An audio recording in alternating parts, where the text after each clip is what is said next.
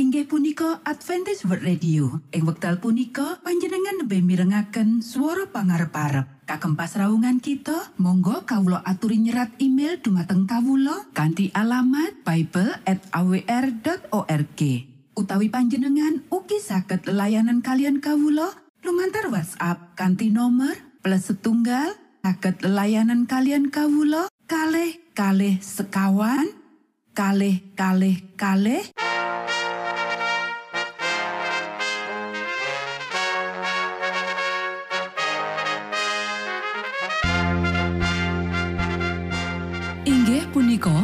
Adventist World Radio ingkang giaran kanthi basa Jawi.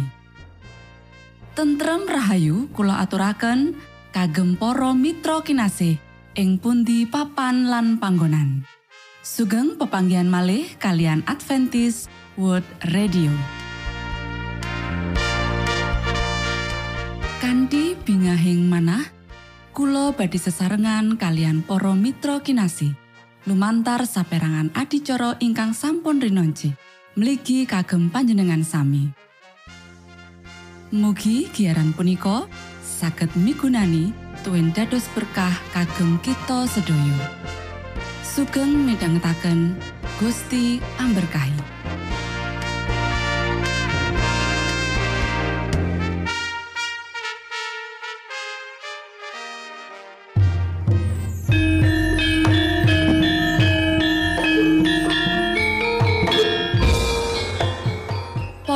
Pamirsa kinasih ing Gusti Yesus Kristus. Ing wekdal punika, kita badhe sesarengan ing adicara ruang kesehatan. Ingkang saestu migunani kagem panjenengan saha kita sami. Tips utawi pitedah ingkang dipun aturaken ing program punika tetales dawuhipun Gusti ingkang dipunnyatakaken ing kitab suci. Semanten ugi sakehing seratan ingkang dipun wangsitaken dening Gusti Allah. Nanging saderengipun, monggo kita sami midhangetaken kidung pujian.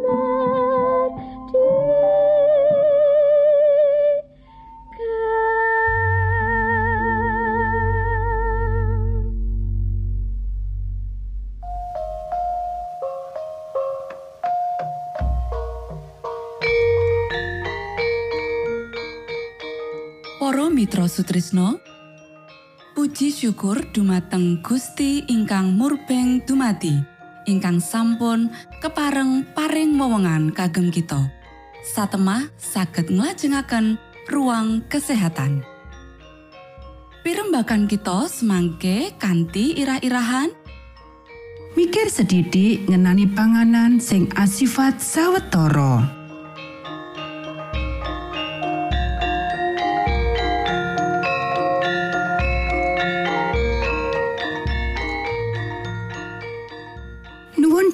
Para pamiarsa ingkang dahat kinurmatan, sugeng pepanggihan malih kalian kula Isti Kurnaidi ing adicara ruang kesehatan. Ing dinten punika kanthi irah-irahan mikir sedidik ngenani panganan sing asifat sawetara. Para sedherek ingkang kinasih, kita kudu tansah mikirake sabda iku mengkono uga nedha sabda iku nyerna sabda iku lan nyerep sabda iku supaya dadi daging getih kita wong-wong sing nyerno sabda sang Kristus saben dina bakal mulangake marang wong liya lumantar tulodo uripe supaya mikirake sedidik ngenani apa sing dipangan lan ngrasakake luwih akeh ngenani panganan sing diwenehake marang jiwa-jiwa. Poso sing bener sing disaranake kanggo kabeh wong ya iku tarak saka kabeh jenis panganan sing rangsang lan gunakake panganan sing prasaja nanging nyihatake sing wis diparingake kanthi limpah. Menungso perlu mikirake sedidik ngenani opo sing dipangan lan diombe. Ya iku panganan sing asipat sawetara. Dheweke kutune mikirake luwih akeh ngenani panganan sing saka swarga sing menehi kekuatan dan kasegeran kanggo entuk pengalaman agama sak wutuhe. Para sederek, opo kita ora perlu nganggo sandangan sing prasaja lan ora kluwiyen tanpa mikirake mode? Opo ora meja nedha kita tansah diisi dening panganan prasaja sing nyehatake sinambi ngendani kamewahan lan gumunggung? Apa ora omah kita perlu ditekake sakjroning bentuk sing prasaja lan dihiasi sakjroning bab sing padha? Amarga iku bakal nuduhake kuasa kabeneran sing nyucikake lan mengaruhi wong-wong sing ora percaya?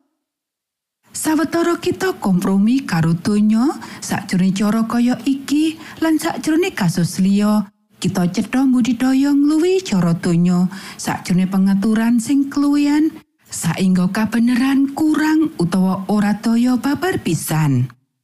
Sopo sing percaya marang kabeneran hikmat ing jaman iki sawetara wong-wong ngaku percaya imane kosok balen karo tindakane Dudu Gusti Allah sing nutup lawang swarga marang kita. Nanging kompromi kita marang pakulinan wong donya sing kita uripake. Para sederek, Sang Kristus maringi pangan wong akeh kanthi sawijining mujizat kuasa ilahi. Nanging saipo prasajane panganan iku dicawesake, ya iku mung roti lan iwak sing dadi panganane nelayan ing Galilea. Bisa wae Sang Kristus nyediakake pesta gedhe kanggo wong-wong iku. Nanging panganan sing dicawesake mung kanggo maremake selera. Iku ora bakal menehi piwulang kanggo kapecikan wong-wong iku. Lumantar mujizat iki, Sang Kristus ngersakake paring piwulang keprasajan. Saumpamane manungsa jaman saiki, prasaja sakjroning pakulinan urip cocok karo angger-angger alam kaya dene Adam lan Kowo ing wiwitane mula limpah pacawisan panganan sing dibutuhake dening keluarga manungsa nanging kecetilan lan pemanjaan selera wis nggawa dosa lan kasangsaran ing siji pihak keluwian lan ing pihak liyane kekurangan. Para sederek menawa wong sing ngaku Kristen gunakake luwih sedidik kasukiyane sakjroning ngrias badan lan ngendahake omah menawa dheweke nggunakake luwih sedidik dhuwit kanggo ngisi meja nedha karo panganan sing mewah sing rusak kesehatan kanthi motif rasa gumunggung mula dheweke bakal mapanake jumlah sing luwih gedhe ing sakjroning kahartane Gusti Allah kanthi mangkono dheweke nulodo sang penebus sing wis ninggalake swarga kanthi kasugihan lan kamulyane kanggo kita. Panjenengane dadi melarat supaya kita antuk kasugihan sing langgeng. Matur nuwun, Gusti amberkahi.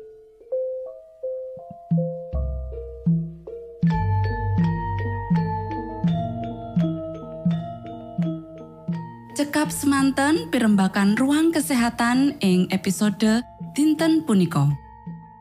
Ugi sampun kuatos jalaran kita badhe pinanggih malih ing episode sak lajengipun.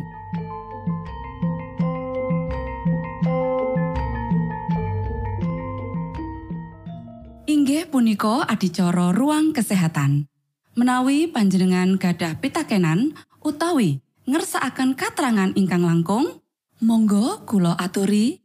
Kinton email dateng alamat ejcawr@ gmail.com utawi lumantar WhatsApp kanti nomor 025 pitu 00 songo songo papat 00 pitu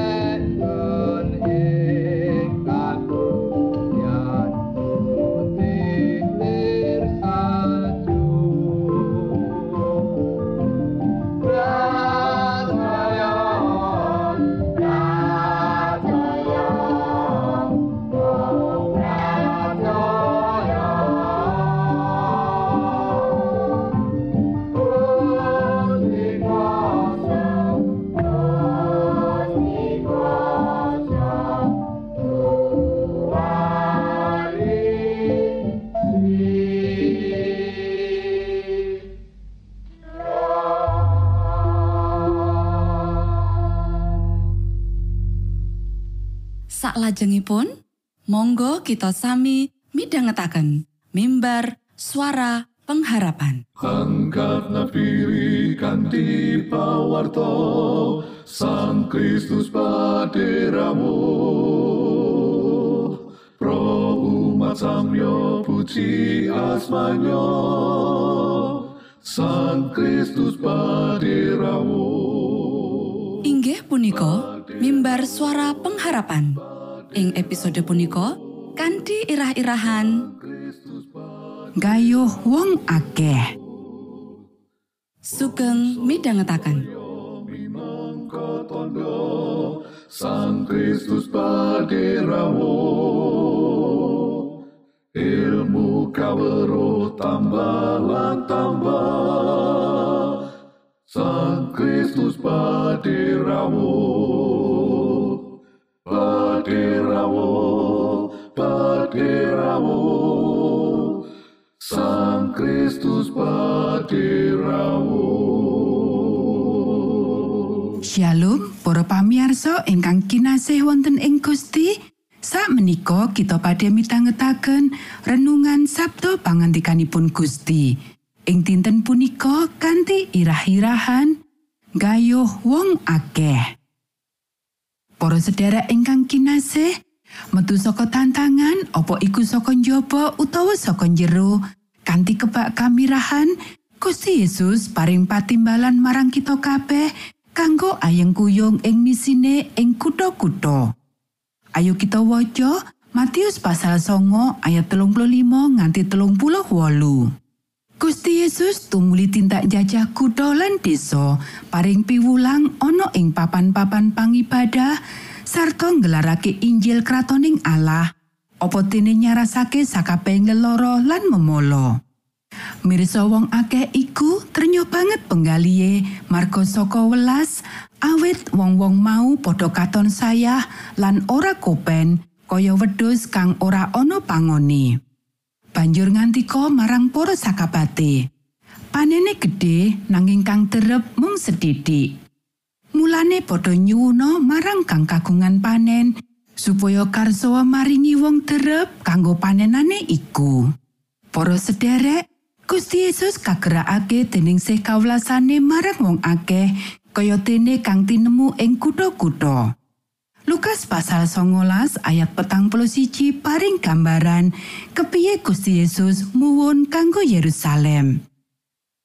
Kita mbok menawa ora mangerteni jerone katresnane Gusti Yesus marang para putrane, malah marang wong akeh kang ora dikenal, kang mapan ing kutha-kutha. Mula kuwi sebabe ing Matius pasal songo ayat telung puluh wolu Gusti Yesus nyatakake marang kita supaya ndedonga temah motif lan ati kita bisa dadi kaya Gusti Yesus. Ayo kita waca Matius pasal papat ayat telulikur nganti selawe. Gusti Yesus tumuli njelajahi satlatai tanah Galilea kabeh memulang ana ing papan-papan pangibadahe wong kono sarta nggelarake Injiling kraton apa dene nyarasake sarupane leloro lan sarupane memolo kang tinemu ing satengahing bangsa kono. Pawarto papanjenengane iku banjur sumebar ing tanah Syria kabeh. Sakai wong kang nandang leloro banjur padha disowanake menyang ing ngarsane kang rupa-rupa lelarane lan sangsarane. Wong kasurupan, wong ayan lan wong lumpuh tumuli padha diwarasake. Wong akeh padha gumruduk nderekake tindake. Pinangkane saka ing tanah Galilea, ing Dekapolis, ing Yerusalem lan ing tanah Yudea tuwin ing sabrange pengawan Yarden.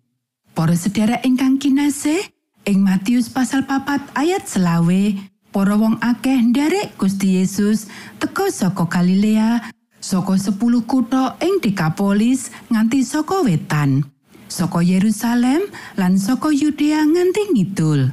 Liyane Samaria. Wilayah ngendi sing kelewatan? Wilayah pesisir Tirus lan Sidon, perangan saka Fenisia nganti segara Mediterania lan bagian lor Galilea. Saiki kita ndeleng kena apa Gusti Yesus menyang ing papan iki.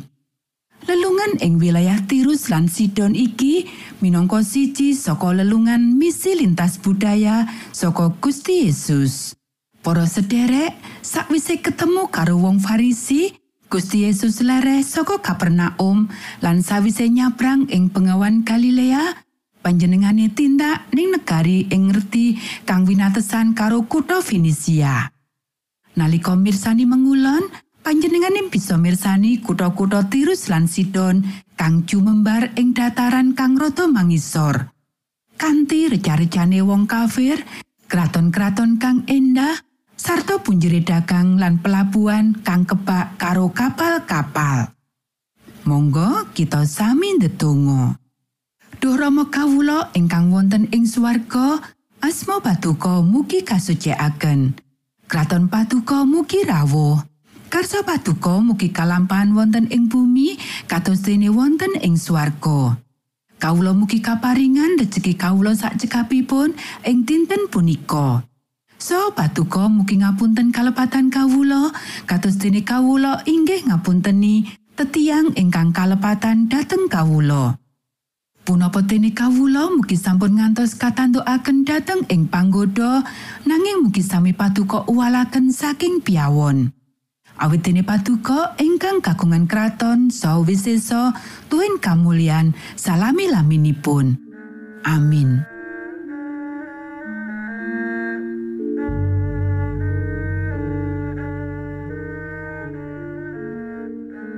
Para Mitra Sutrisno pamiarsa kinasih ing Gusti Yesus Kristus.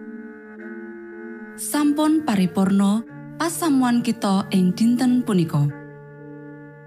Menawi panjenengan gadah pitakenan utawi ngersaakan seri pelajaran Alkitab suara nubuatan Monggo Kulo aturi kintun email dateng alamat ejcawr gmail.com utawi lumantar WhatsApp kanti nomor 025 pitu 00 songo songo papat 00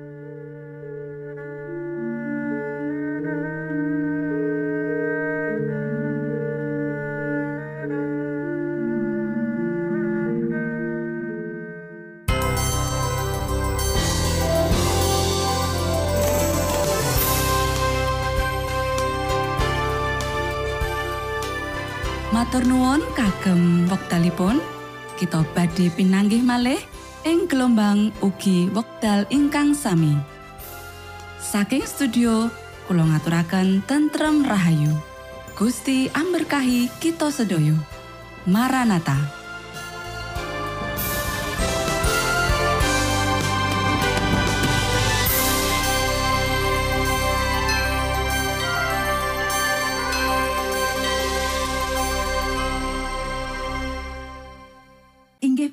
Adventist World Radio. Ing wekdal punika panjenengan lebih mirengaken swara pangarep-arep. Kagem pasraungan kita, monggo kawula aturi nyerat email dumateng kawula kanthi alamat bible@awr.org. Utawi panjenengan ugi saged layanan kalian kawula lumantar WhatsApp kanthi nomor plus setunggal saged layanan kalian kawula kalih kalih sekawan kalih kalih kalih